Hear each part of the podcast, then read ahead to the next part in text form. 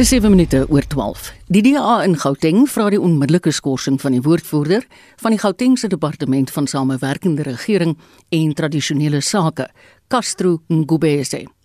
Ngubese het na bewering op 'n onvanpaste en homofobiese wyse gereageer op 'n tweet oor vermoorde gay mans. Hy het op die tweet wat lui: "Vier gay mans in minder as 'n maand in Suid-Afrika vermoor." Met 'n gebalde vuis emotikon gereageer, gevolg deur Aluta Continua, wat beteken dat die stryd voortduur. Ons praat nou met Nico De Jager, 'n DA Gautengse lid vir maatskaplike ontwikkeling. Goeiemôre Nico. Hallo Nico, is jy met ons? Ek is seker hulle gaan hom vir ons binnekort ehm um, weer op die lyn kry. Ek sien vreeslik uit na ons bydrae of later in ons program oor die Oscar toekenninge en watter films van ons genomineer is. Ons gaan ook kyk na die uitlatings van Tokyo Segwale oor die sogenaamde geld wat vasgelê is. Ons gaan gesels met Dawie Rood. Bly gerus ingeskakel.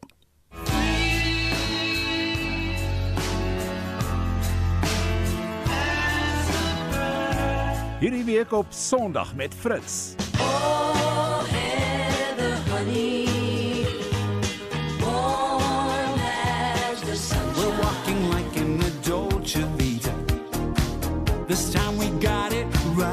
Sondag met Fritz, net na die 1 uur nuus. This is ground control to Major Tom. You've really made the grade. Ons is terug by die gesprek wat ons net nou gehad het oor die onaangename gay tweet wat daar was. En ons gespreek nou met Nico die Jager, 'n DA Gautengse lid vir maatskaplike ontwikkeling. Hallo Nico, is jy nou daar? Ek is hierso. Goeiemôre. Afgesny. ja. ja. Wat van hierdie tweet maak dit so onvanpas? Ek dink dit gaan uh, in die eerste plek dit is 'n woordvoerder van uh, die uh, lid van die provinsiale uh, bestuurskomitee. So mense sal in die eerste plek beter verwag, beter uh, op volwassenheid verwag wanneer dit kom by tweets en uh, emojis, emojis vir vir daai ehm uh, van wat weet oor sulke opmerkings. En in die tweede plek gaan dit dan vir my ook spesifiek oor die geslagsgebaseerde geweld wat ons wat geweldig kop uitsteek in. Suid-Afrika op die oomblik. So, ehm um, tweets soos daardie gaan net verder lei tot intimidasie en victimisering van die gay gemeenskap. Ek dink dit is so tyd dat ons moet leer dat nee beteken nee. Ons moet ons kinders leer en ehm um, uit die aard van die saak daar is geld beskikbaar op die begroting van gemeenskapsontwikkeling om die nodige opleiding te verskaf vir al aan die professionele staf van mm. die wetgewer sodat hierdie tipe van ding nooit weer sy kop uitsteek nie. Ek dink dit is heeltemal ongehoor en al al die sê meneer eh uh, Ngubesi ook nou dat hy ja dat dit is nie wat hy bedoel het nie. In die eerste plek as 'n woordvoerder en 'n man wat spesialiseer in kommunikasie behoort hy regtig van beter te geweet het. Die DA doen 'n beroep op sy skorsing. Wat probeer julle hierdeur bereik? Wel, ons sê dit nie skors nie, hy moet ehm um, hy moet op uh tydelike verlof ge, ge, geplaas word sodat hy uh die saak ordentlik ondersoek kan word en dan na gelang van die uitkoms daarvan en natuurlik ook as hy die nodige behandeling ondergang vir sy aggressie en so meer dan kan dan as as hy as hy wel dit so 'n beter mens kan uitdraai dan kan kan sy sy posisie heroorweeg word. Maar mens kan nie net eenvoudig so iets aanvaar nie en veral nie op daardie vlak nie. As jy die MEC vir die lid van die provinsiale bestuurskomitee verteenwoordig moet jy regtig waar ten minste jou werk kan doen en nie hierdie tipe van foute kan maak nie. Nico jy het net nou verwys na die fondse wat wel beskikbaar is vir mhm. opleiding mm om homofobiese gedrag te stop. Hoe word dit benader? Wel, dit moet in die eerste plek met die met die, ons uh, die die die beamptes wat werk, die sosiale werkers wat werk in die gemeenskap moet opgelei word. Ehm um, en dit is waarvoor die fondse beskikbaar stel word vir verdere opleiding om hulle net sensitief te maak teenoor waar die gemeenskap gaan en dan verder ook dit uit te brei na ander uh departemente om seker te maak al die werkers is sensitief mm. teenoor die die uh gay gemeenskap en dat hier weer eens ek dit gaan my dit my verstand te bowe dat in die eerste plek so opmerking gemaak kon word. Al is dit hoe onskuldig ook al dat die afsak dit is 'n spesialis in 'n spesialis in kommunikasie en mens hmm. maak nie sulke foute dan nie. Ja, en ek dink dit is 'n absolute belediging vir die hele gemeenskap. Absoluut. Dis 'n belediging vir elke uh elke persoon wat probeer om van hierdie dekmantel ontslae te raak. Hmm. Uh veral in in julle professie in journalistiek en kommunikasie. Dit dit is dis verregaande. Dit regtig ek raak so kwaad hieroor. Ek kan hoor. dis dis regtig het maak my woedend dat sulke uitlatings gemaak word in 'n veral teenoor 'n gemeenskap wat nog steeds teenoor gediskrimineer word.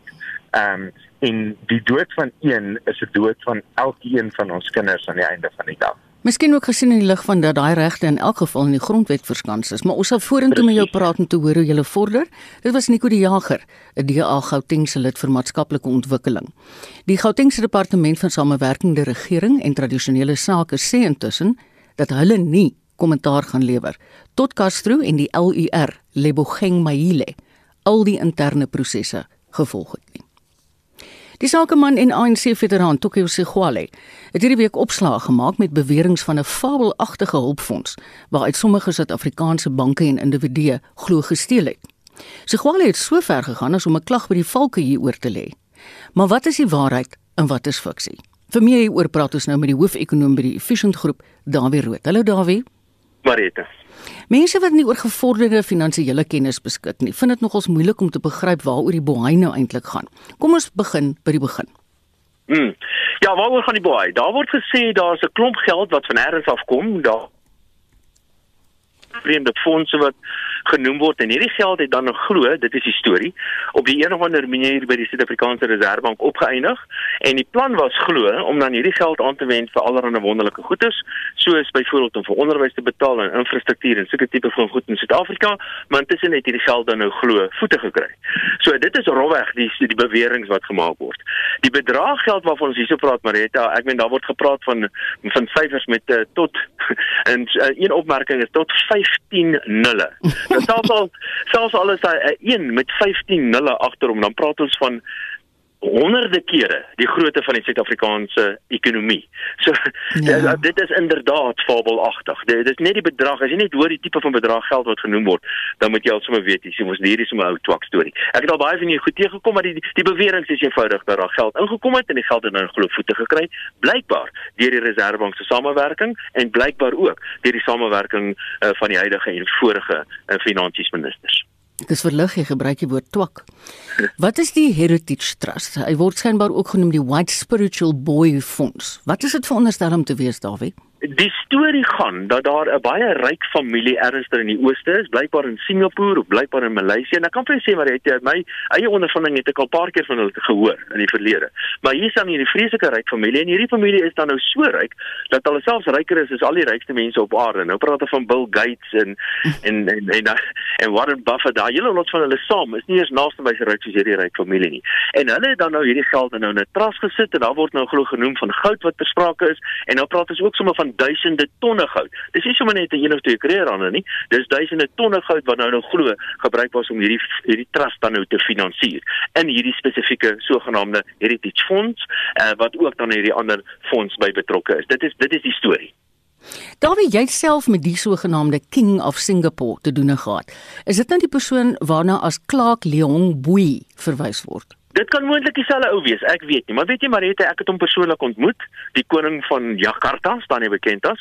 Uh, ek was by mense gewees met vreeslike boei en 'n vreeslike klomp sekuriteit rondom dit alles en ek het hom persoonlik ontmoet, hierdie karakter. En hy het onder ag mense het ag binne 5 minute, as jy ietsie weet van finansies of het ek sommer dwars deur hom gesien. Hy onder andere, dis die storie wat hy my vertel het, het uh, is 'n stigterslid van die IMF en hy het aandele in die internasionale monetaire fonds en hy verkies ook euros bo dollars want die die uh, is 'n tipiese twak wat hy kwyt geraak het. En dit het ek myself nou probeer afvra, hoekom doen hierdie persoon dit? Maar, maar hoekom wat is die wat is die motivering agter dit alles? Dit vra ek vir die mense wat hom nou ehm uh, wat nou waar hy tuis gegaan het en dit is baie baie fancy lodge wat vreeslik het hom geld kos waar hy tuis gegaan. Dit vra ek vir hulle maar wat is dit nou? Dis hulle nie, hy het ook nou hierdie fonds wat hy nou beskikbaar gaan stel en noem hulle sulke reuse bedrag geld en hy het nou hiernatoe gekom om nou vir hulle te help en dis meer hulle wil graag met 'n ekonom te uh, praat. Toe vra ek nou wie betaal vir sy vliegtuigkaartjie? Dis nie hulle het hom betaal want hy gaan dit later terugbetaal mm. en hulle het ook vir hom gereël vir 'n reis hiernatoe en daarnatoe en dit lyk my dit is die dit is die vangplek. So eintlik gaan hy maar net op 'n op 'n toer deur die wêreld en ander mense betaal voor en hy beweer hy is nou die koning van Jakarta en hy is sommer aandeelhouer van die internasionale monetaire fonds. So ek het die koning van Jakarta al persoonlik ontmoet.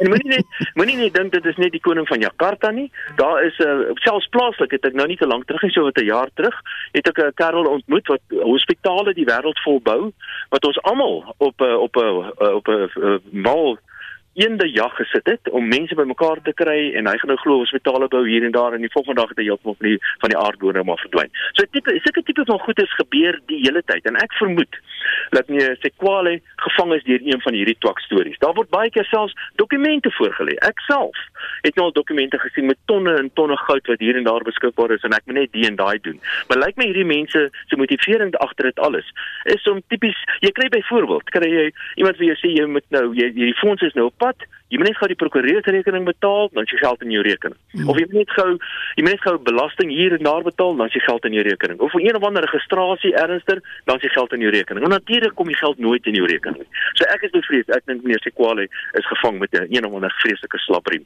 Wat my die meeste pla is dat 'n senior persoon soos hy vir so 'n klomp nonsens val. Uh, dit is 'n absolute snert uh, en 'n slenter hierdie en ek kan nie glo dat iemand soos hy homself hier sweet laat vang. Hy moes dan net vir ten minste eers er iemand gevra het wat iets weet van finansies af.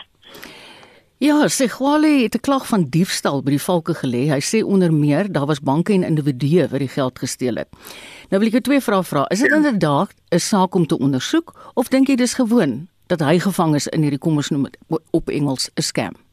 Ja, nee, dis 'n slenter, hy's gevang. Ek en die probleem is ek het dit ook al voorheen gesien uh, by Mariette. Wat gebeur is mense word gevang deur 'n ding. Jy betaal nou 'n paar rand vir die prokureurskoste of die koste en die daai koste en nou sê hulle entjie in en mense, baie mense, uh, is net nie bereid om te sê luister jy maar ek is gevang nie. Mense is net nie bereid om te erken teenoor jouself dat ek eintlik 'n gek vir myself gemaak nie.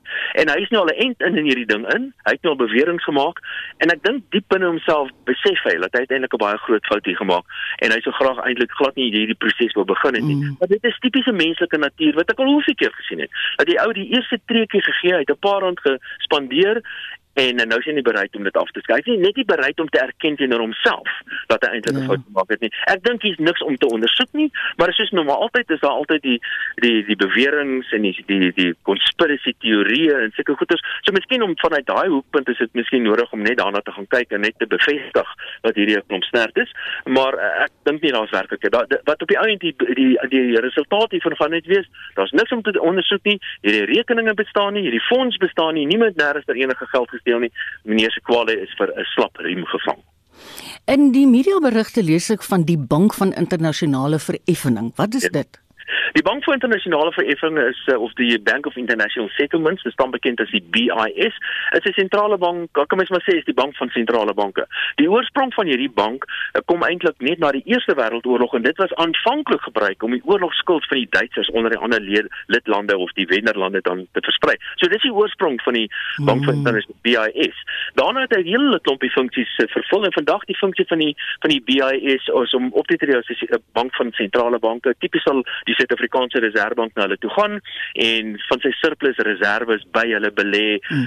in vir sê nou maar vir uh, vir hulle gebruik ook 'n ander geldeenheid dit staan bekend dan as 'n special drawing right of spesiale trekkingsregte en dit is eintlik die geldeenheid van die internasionale monetaire fonds en dit bestaan eintlik maar net uit 'n mandjie van verskillende geldeenhede soos die dollar en die euro en so aan. So dit is maar net 'n kom ons noem dit nou maar internasionale sentrale bank vir sentrale banke in die wêreld. Individue en dit is miskien ook 'n belangrike punt, individue en maatskappye maatskappye mag nie by hierdie bank 'n rekening hê nie en individue en maatskappye mag ook nie by die Suid-Afrikaanse Reserwebank ja. Uh, ja. rekeninge hê nie. En miskien moet ek ook net be, be, bekend maak dat ek self as 'n aandeelhouer in die Suid-Afrikaanse Reservebank. Ja, maar soos jy sê, jy kan 'n aandeelhouer wees, maar jy kan nie rekening daar hê nie. Maklik nie. En net banke, net banke mag rekeninge by die Suid-Afrikaanse Reservebank hê. So dit is nog 'n verdere rede om dis of nog 'n verdere rede hoekom hierdie maar net 'n slenter is want individue mag nie geld daar hê nie. Mm. Uh, of lewe mag nie rekening by die Suid-Afrikaanse Reservebank hê nie. Maar die BIS of dan die internasionale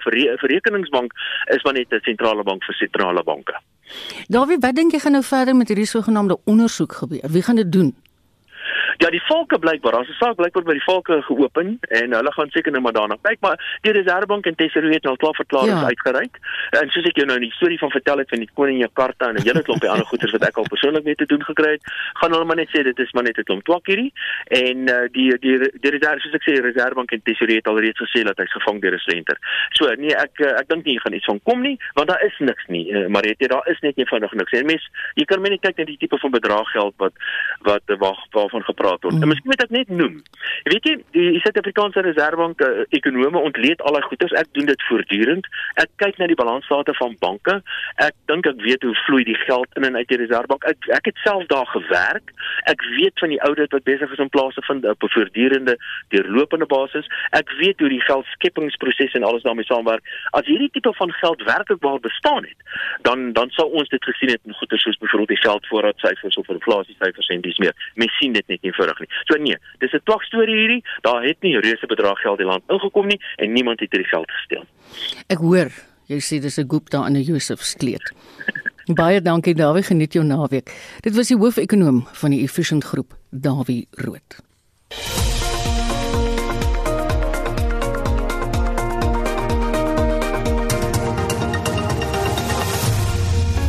Hoop nie dis belangrik nie, maar dis 24 en 'n half minute oor 12.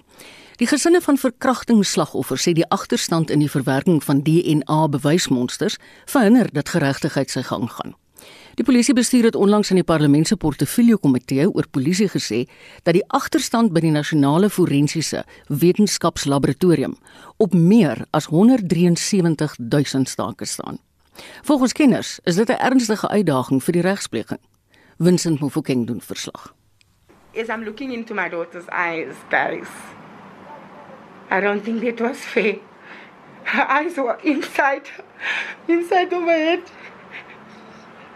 Her neck, it's like she lost, she lost weight instantly. Vanessa, nie haar regte naam nie, begin huil toe sy die trauma herleef van haar 2-jarige dogter se beweerde verkrachting in 2019 aan die hand van haar kerel. Dokters het bevestig dat haar dogter verkragt is en die polisie het DNA-bewyse ingesamel, waaronder bebloede doeke en klere. Maar byna 2 jaar later wag sy nog op terugvoer oor die belangrike DNA-bewyse. I wanted to know why is it taking so long? And then he told me no, there's a backlog due to the pandemic, to, due to COVID-19. That's what he told me. It's not only rape cases, it's murders, it's house break-ins, it's all different things. So obviously there's a backlog on all of that stuff. Felicia, wat ook nie haar regte naam is nie, is in dieselfde penarie. Haar seun wat Down-sindroom het, is na bewering in 2019 deur 'n onderhoudswerker by sy skool verkragt. Hy was destyds 13 jaar oud. So we went to that hospital and the doctor actually the doctor cried and said the person that raped this child is so heartless. This child has been injured so badly. And they confirmed rape and they said the child is injured so badly for two and a half weeks. My son could not hold his stool. Sy wag ook nog op die uitslag van die DNS monster wat aan die nasionale forensiese wetenskap laboratorium gestuur is. In albei gevalle is die vermeende oortreders vry. Ngamurumbetsi is van die organisasie Women and Men Against Child Abuse.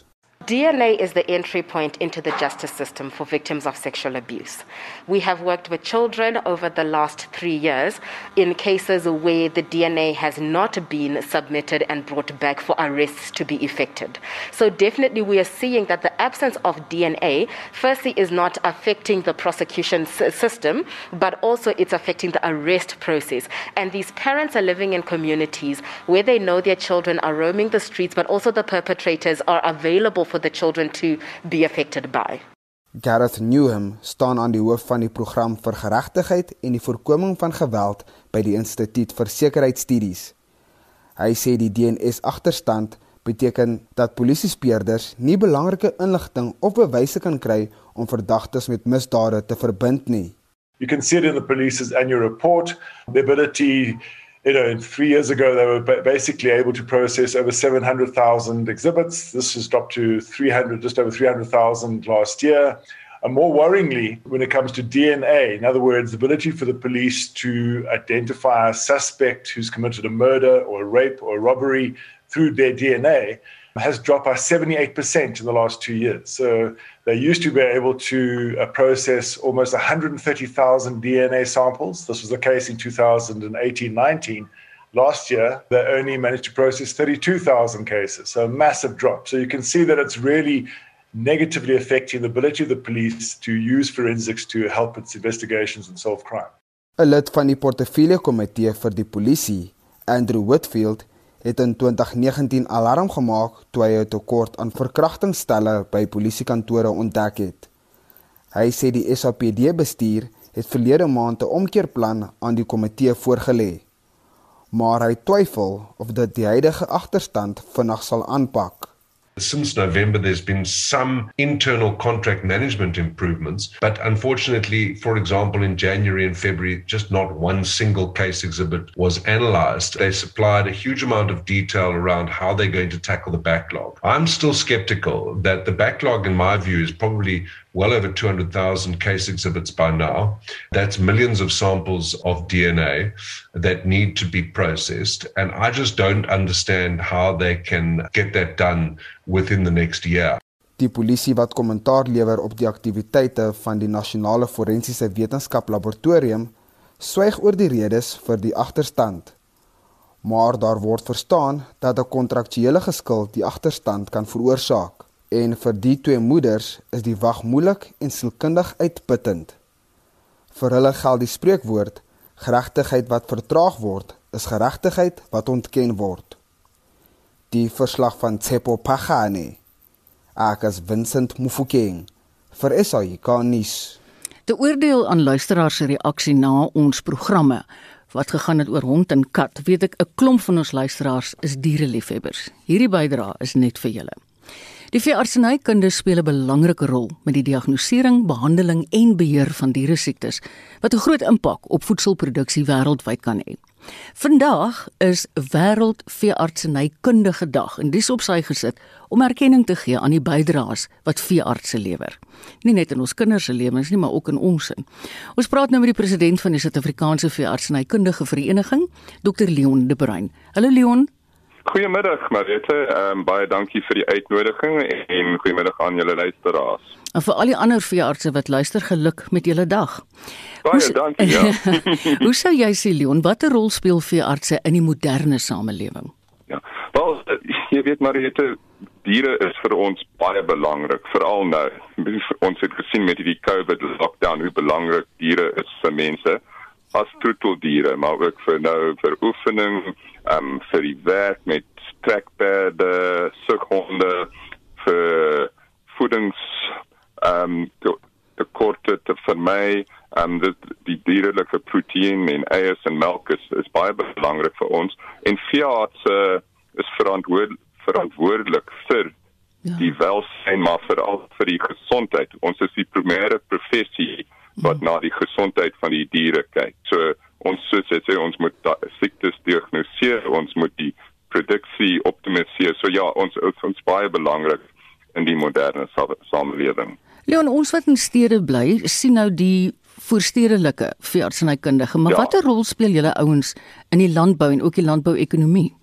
Ja so so ek ja baie belangrik. Daar's baie veeartse in die platteland wat sien dat ons diere siektes onder beheer hou, dat ons diagnoseer waar daar beheerde siektes is en vermy die inenting en ook om om produksie te optimaliseer as mm. ons kyk na vrugbaarheid en voeding die die die plattelandse veearts 'n kritiese rol en om te sien dat daai daai proteïen veilig is vir die mense. Jy het net nou juis verwys na COVID. Die vermeende zoonotiese aard van die COVID-19 pandemie en dan nou die gepaardgaande vrees dat hierdie tipe siektes gaan toeneem. Wat is jou kommentaar daaroor?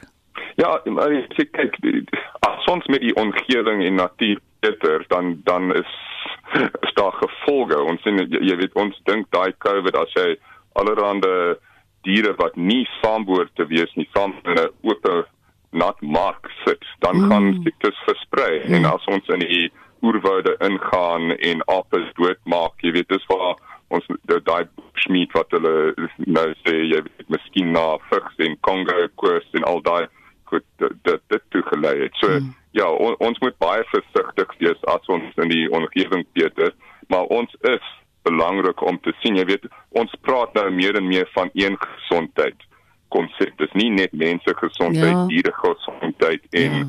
die omgewingsgesondheid. Dis alles een mm. gesondheid want ons lewe almal in een wêreld. So ons ons moet kyk, okay, hoe is hierdie interaksies en veeartse, ons het epidemioloë, ons het viroloë, bakterioloë wat kyk, okay, hoe werk hierdie siektes, hierdie zoonose dat ons dit kan vermy maar ook probeer beheer. Jy weet, um, in die onlangse geval van voëlgriep. Ja. Was die boere verskriklik besorg. Nou wil ek vandag vir jou baie eerlik vra. Is Suid-Afrika en dan nou veral meer die geïnstitusionaliseerde deel daarvan, is ons in staat om so iets hok te slaan?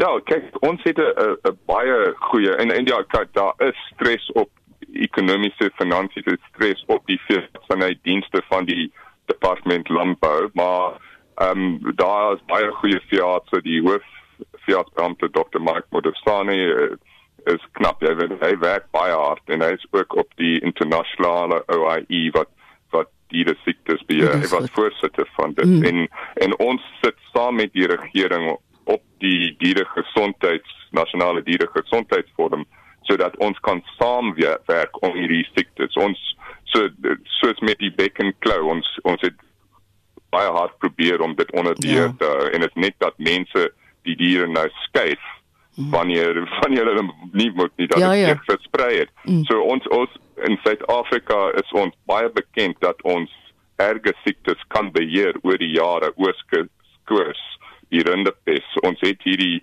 voelgriep mm. baie kere weet onder beheer gekry. So on, ons weet hoe om dit te diagnoseer en hoe om dit te vermy dat dit sprei en ehm um, nee daar is probleme want want ons sukkel om veeartse in die land te hou en en in die staatsdienste is daar probleme dat poste nie altyd gevul is maar dit help met ons CCS veeartse wat na hulle hulle graad gekry het ja vir die regering werk uh, in die plattelandse area. So hulle kry goeie ondervinding, maar as meer veeartse wat diere siektes kan onderhou en en beheer. Ja, ek moet sê ek weet ons veeartse is vreeslik gewild in die buiteland. Het net nou verwys na viroloë en allerlei uh, ander spesialisasie rigtings. Wat is die belangrikste spesialisrigtings in veeartsenykunde in Suid-Afrika? Ooh, is moeilik jy weet daar is so baie, maar op die oomblik sal ons sê die epidemioloë met hierdie siektes wat uitkom is baie belangrik. Ons het briljante epidemioloë wat wat eintlik kan help ons soos ons gesê ons ons werk baie met virus siektes en ander siektes en mm. ons kan eintlik die menslike epidemioloë help want ek ons werk meer met epidemie so meeste van die tyd ja. as as die menslike epidemioloë maar ook daar spesialisering in wilddienste wildveeartse vir beeste vir chirurgie uh jy weet dat dat so baie dit is moeilik om te sê met oor een ja. das een maar as ons kyk na wat, wat die die departemente in die in die staat soek dan dan ja is epidemioloë en en daai soort ehm um, kan dit baie goed wees as ons meer fiate kan kry wat om daar spesialiseer. Leon, ek het altyd gewonder, kan hulle dit by onderste poort doen of moet hulle noodwendig oor see spesialiseer?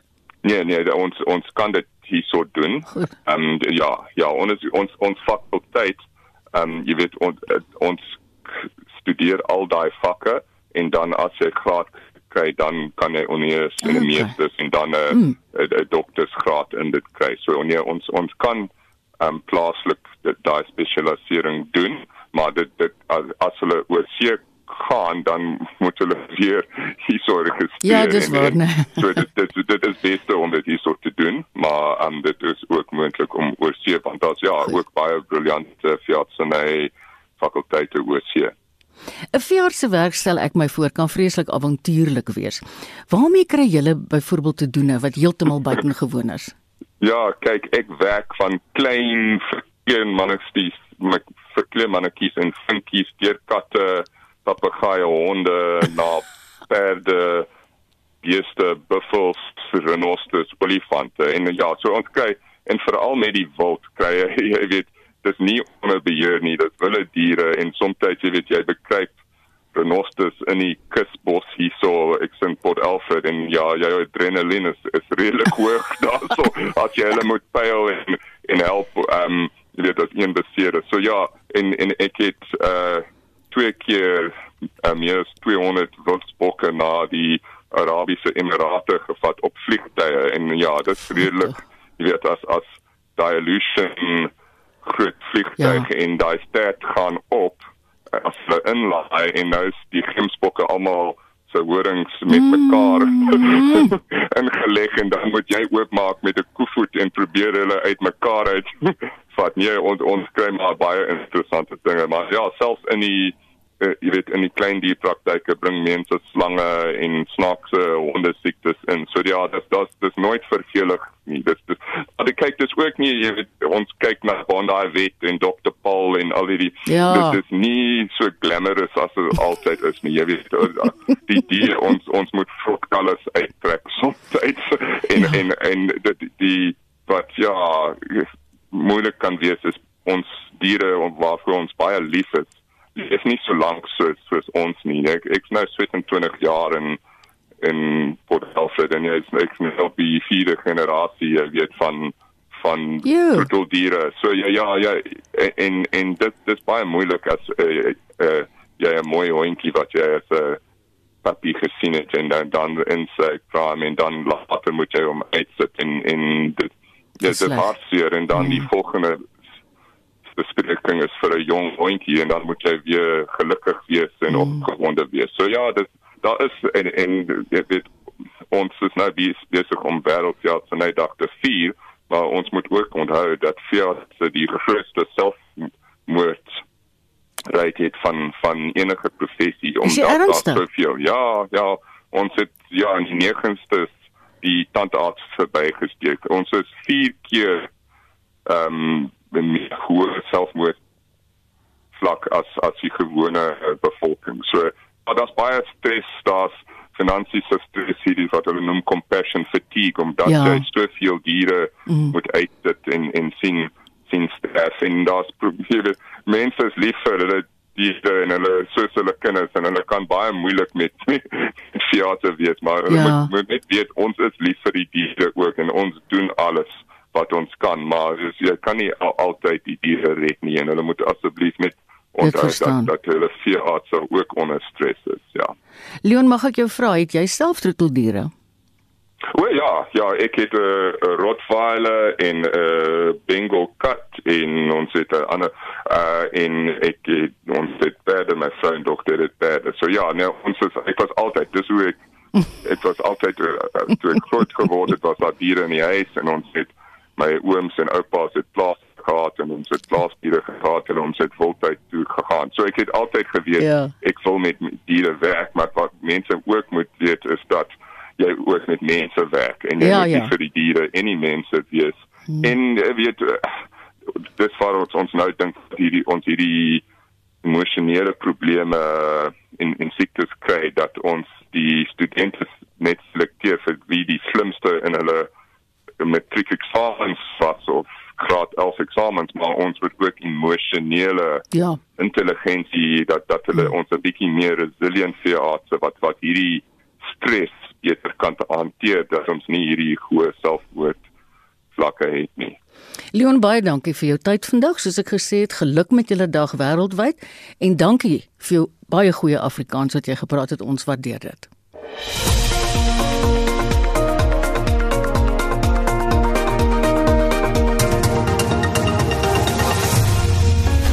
Jy luister na Naweek Aktueel, dis 16 minute voor 1. Vir baie mense is dit 'n lang naweek, vir ander selfs 'n kort vakansie. Maar op die sportveld word daar nie vakansie gehou nie. Pieter van der Berg sit gereed by ons sportlesenaar met die jongste middag Pieter. Middag sê Marita. Vroeger die week moes ons hoor dat Suid-Afrika nie deel gaan wees van die Reënboog Rugby beker nie. Hmm. So op watter rugby fokus ons die naweek? Ja, terwyl ons praat van daardie Suid-Afrikaanse spanne, dis natuurlik die reisbeperkings wat uh, verhoed het dat Suid-Afrika na Europa kan toer. Dis nou die Lions, die Stormers, die Sharks en die Bulls. En uh, dit beteken dat hulle nou hier in 'n Suid-Afrikaanse reënboogreeks te mekaar gaan speel. Dit sal 'n dubbelronde wees en uh, die reënboogreeks het weliswaar gisterand afgeskop daar in Europa. Edinburgh daar vir Zebre geklop met 24-18 en dan kon nag hulle het 'n wegoorwinning van 26-24 oor Ulster behaal. Nou uh, Die ander fokus is natuurlik op Australië en Nieu-Seeland. Nou gister in Australië was dit die Western Force wat verras het. Hulle die Reds met 30-27 geklop en dan in Nieu-Seeland is dit Damien McKenzie wat in 83ste met 'n lang strafdoel uh, behaal het en hulle die Chiefs daar Nee, ook hulle plek in die eindstryd bespreek. Hulle die Hurricanes daar geklop 26-24. Op die oomblik speel die Waratahs daar in Sydney teen die Rebels en die besoekende span die Rebels. Hulle is voor met 21-11, dis byna rustyd daar. En dan in die Seeland is daar môre dan die laaste wedstryd van die naweek en dit is uh, daar in Christchurch en dis die Crusaders en die Blues wat sal kragte meet om 25 minute voor 6 en dis môreoggend Suid-Afrikaanse tyd. Jy weet sake is op die oomblik verskriklik deurmekaar in Suid-Afrika se kriketraadsaal. Maar kom ons kyk nou dan na die topspelers in die Indiese Premier Liga. Wat is die jongste van daar af? Ja, ek ek sien Quentin de Kock het nie goed gevaar met die golf gister nie, maar dis die Punjab Kings wat 'n 9 balke oorwinning behaal het oor die Mumbai Indians. Die Indians het 131 vir 6 aangeteken en die Kings antwoord met 132 vir 1. Nou vandag speel die Rajasthan Royals, dis om 4:00 vanmiddag teen die Kolkata Knight Riders. En dan dis dag 4 van die eerste toets, dis in Sri Lanka en Bangladesh daar in Kandy. Nou Sri Lanka, hulle kom van die eerste beurt, so rukkie gelede op 457 vir 3 gestaan. Dis so 87 lopies nog kort van Bangladesh se totaal wat hulle aangeteken het 541 vir 7 waar hulle verklaar het. Uh Suid-Afrika het in die verlede hulle stem lekker dik kon maak as dit by span kompetisies op die golfbaan kom. Hoe vaar hmm. Suid-Afrika se spelers die week? Ja, dis 'n interessante twee-man kompetisie daar by die Zurich Classic in New Orleans en in, in daardie tweede ronde is dit Champion finaal wat voor is op 1300 syfer en uh, so ook Hofland en Ventura, beide spanne op 1300. Suid-Afrika se Louis Oosthuizen en Charles Swartsel goed geplaas, hulle is in die 5de plek. Hulle is op 10 onder syfer. Dan in Europa word die Gran Canaria Open in Spanje gespeel. Ek sien daar dat Tombion Olsen, hy was die uh, voorloper op 1400 syfer na die tweede ronde, Will Blessing en eh, uh, Reese Enoch. Hulle is daar op 13 1400. Suid-Afrikaanse Derrick Hugo goed geplaas. Hy's op 1100 syfer, net 3 agter die voorloper in Sander Lombard. Hy's op 900. En dan plaaslik hier in Suid-Afrika se Limpopo Kampioenskap, daar op die Euphoria uh, Golflandgoed. Nou die derde ronde is reeds aan die gang en dis Daniel van Tonder wat met een ding voor is. Hy's 800. Ek sien daar is 'n paar spelers op 700 wat insluit Henny Du Plessis, Oliver Becker, Jaco Prinsloo as ook eh, uh, NJ Viljoen. En dan in die vroue se PGA Tour Dis die Premier La Open wat daar in Los Angeles gespeel word. Na die derde ronde is dit Jessica Korda wat met 1-0 voor is. Sy's op 1600 met Ying Yong Ku op 1500. Suid-Afrika se Ashley Boy goed geplaas. Sy's 11de op 500 syfer. En dan Marita moet ons ook net sê dat die supersport vroue uitdaging by Sun City is gister afgehandel en Mangela Fletcher het gesief hier op 211 houe met die jong amateur Caitlin McNabb daar in die tweede plek op 212. Is ek reg as ek sê op die oomblik, uh, speel die mans wat tennis betref in Spanje en die vrouens swaai hulle rakette in Duitsland, is ek reg? Ja, maar dit is 100% reg in Barcelona spook die mans die sake uit op klei.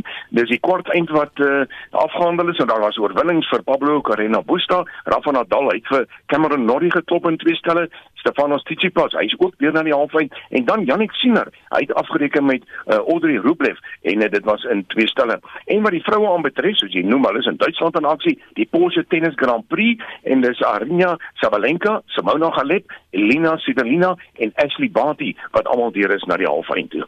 Goed, lekker baie sport. Kom ons maak laasens 'n draai op die sokkerveld. Ja, gisteraan daar in die Engelse Premier Liga, Everton 'n wegoorwinning behaal oor Arsenal van 1-0, 'n eie doel deur Arsenal daar aangeteken. Ehm um, en dan is dit DStv se plaaslike reeks Manchester United en Baroka wat gelyk op gespeel het met 1-1 gisteraan.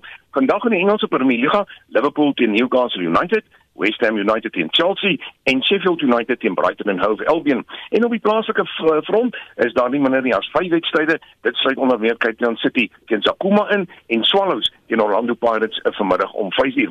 Dan gepraat van vanmiddag van 3uur tot 6uur is dit RSG Sport saam met Jody Hendricks en ek sal maandagooggend maar net aan monitor sal ek gou 'n bietjie loer ja. na die al die naweek se uitslae. Wie Pieter is my so wonderlik dat jy so vreeslik baie het om te praat oor sport. Kan jy verlede jaar hierdie tyd onthou? Oei, oei, oei, dit was hartseer ons het gekrap.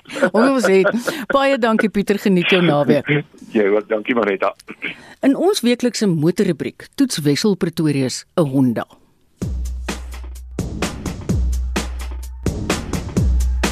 Die Honda Belade is 'n ou bekende op ons paaie sedert 1982 en die 8ste generasie is einde verlede jaar plaaslik bekend gestel. Nou kompakte sedans raak deesdae redelik dun gesaai. Die meeste kopers in die 250 000 na 400 000 rand klas koop hoërstaande kruisvoertuie of sportnutse behalwe as jy 'n Uber bestuurder is. Die nuwe belade is effens groter as die vorige model, 'n prominente horisontale krom sierrooster kenmerk die sedan. Se andersins generiese Honda neus. Ek het die duurste van 3 modelle gery, die RS. Nou gewoonlik staan die afkorting vir Racing Sport of Rally Sport of as jy wil, rasend snel in Afrikaans. Want gewoonlik uitsluitlik vir 'n vervaardiger se topverrigtingsmodelle. Maar Honda sê RS in die belades geval staan vir road sailing. Dis 'n nuwe een. Wel, ten minste is sy ritgehalte voortreffelik. Hy, ek sal nou nie sê seil nie, maar hanteer ongelyke oppervlaktes baie goed. Met die RS afwerking kry die belade 'n meer sportiewe baadjie, soos groter alloy wiele, sportbuffers, 'n netjies en heel delikate fin op die kattebak, LED dagry, hoof en agterligte en 'n elektriese sondak. Binne leersitplekke met ondersteuning op al die regte plekke, togbeheer, 'n groot en heel funksionele sentrale raakskerm wat ook 'n driebeeld gee, drie sensors, ses ligsakke en stabiliteitsbeheer. So volledig toegerus. En ruimtebenutting is goed. Ongelukkig kan die belade se agterste rugleuning nie platslaan om items soos 'n fiets in te laai nie. 'n Baie eenvoudige maar slim ontwerp is twee gleuwe weerskante van die handrem waar die bestuurder en voorste insittende hul selfone kan bære. Hierdie RS het egter geen sportaspirasies nie. Die hele reeks gebruik 'n 1.5 liter wat 89 kW en 145 Nm uitskop. Bloot voldoende, ek sou graag teen die prys van oor die 400 000 bokke, daarom Honda se 1.8 in die topmodel wou hê. Die CVT outomaties skep kunsmatig ratte wanneer jy voluit wegtrek.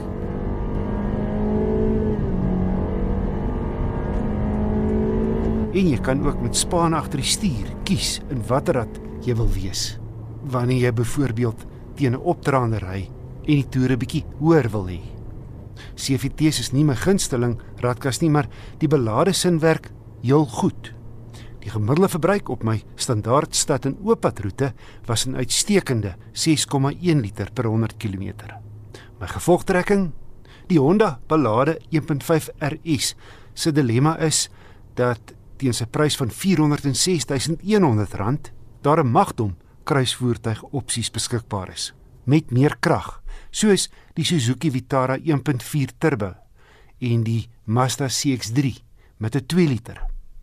Maar indien jy 'n voorliefde vir 'n sedan het en nie geplaas met kraglewering nie, maar eerder belangstel in 'n luukse kompakte sedan, is die belade RS 'n goeie opsie. daarmee saam kom Honda se reputasie van betroubaarheid as ook 'n 4 jaar 60000 km diensplan en 3 jaar AA padbystand.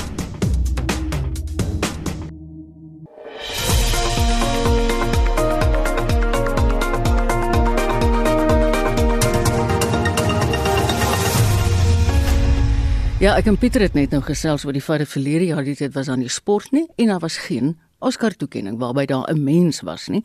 Die lewe het so effens teruggegaan na normaal, nog heeltemal nie. Hollywood se grootste glansgeleentheid, die Oscars, vind môre aand Amerikaanse tyd plaas, oftewel ons maandagooggend in Suid-Afrika.